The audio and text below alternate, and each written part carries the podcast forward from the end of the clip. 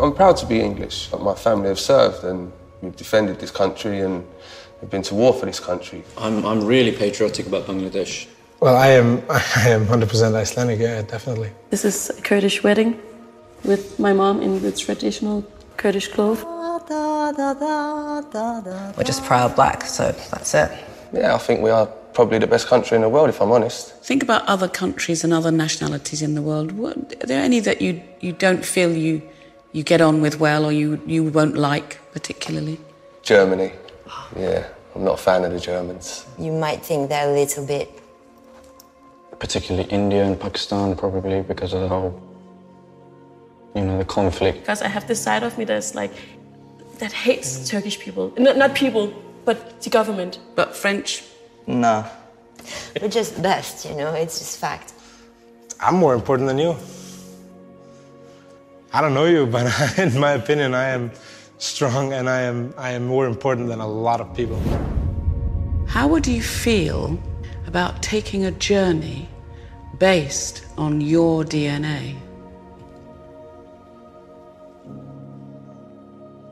Um, yeah, I feel very uh, intrigued. What could you possibly tell me that I don't know? So, do you know how DNA works?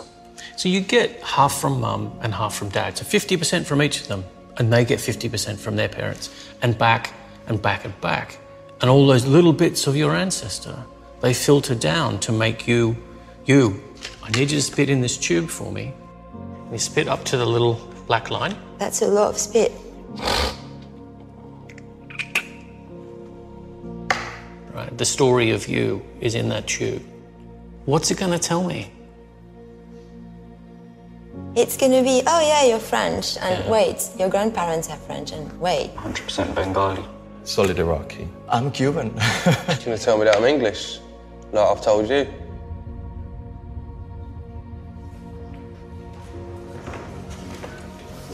Jay, can you come down and join us? I'm a little bit nervous, I have to say.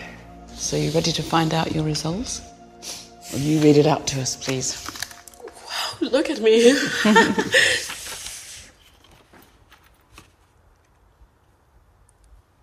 Oh my god. Oh, wow. Shit. I didn't expect that. All of them. Whoa! no, no. Caucasus, which was uh, Turkish. Yeah. Eastern Europe, Spain, Portugal, Italy, Greece. I'm 32% British. What? Great Britain, 30%. Can we? 5% German. I'm Irish. Yeah. So I'm a Muslim Jew.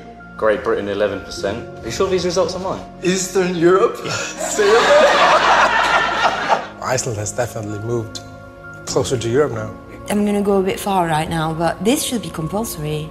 There would be no such thing as like extremism in the world if people knew their heritage like that. Like, who would be stupid enough to think of such thing as like a pure race? In a way, we're all kind of cousins, in a broad sense. Mm. In a much more direct sense, you have a cousin in this room. Turn around and guess who it is.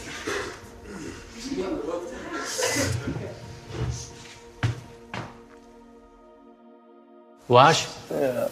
What's that? why don't you come down here and meet your cousin? God, this is the best.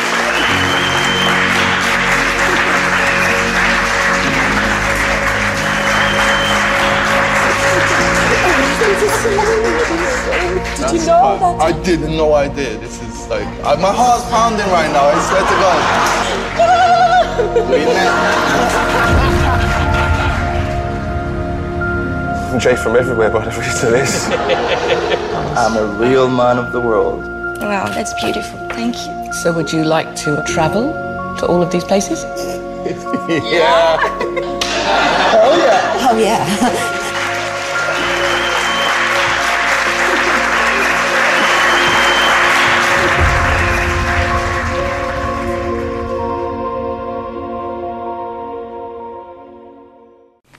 بسنة 1990 وإحنا عايشين بالكويت صار حادث سير مع والدي.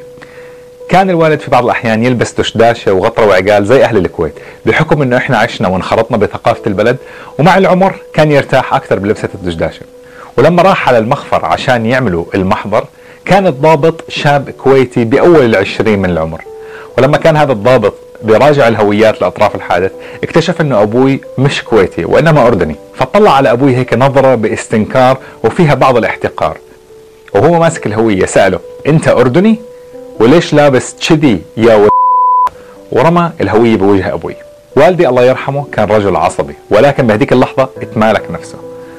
قد يكون لأنه تذكر أنه عنده أولاد وعيلة وما بده يخرب بيته ويقطع رزقه بلحظة انفعال. ولكن هاي الحادثة كان لها وقع كبير في نفس أبوي. اليوم الثاني صحي الوالد وبده يطلع على الدوام كالمعتاد. ولكن هو طالع وقعت الشنطة من إيده من غير ما يحس. استغربنا شوي لحقوا ابن عمي وحمل الشنطة على السيارة. وإحنا لسه مش فاهمين إنه أبوي من كتر القهر ومن قد ما كبت في قلبه كان عم بيصير معه جلطة دماغية.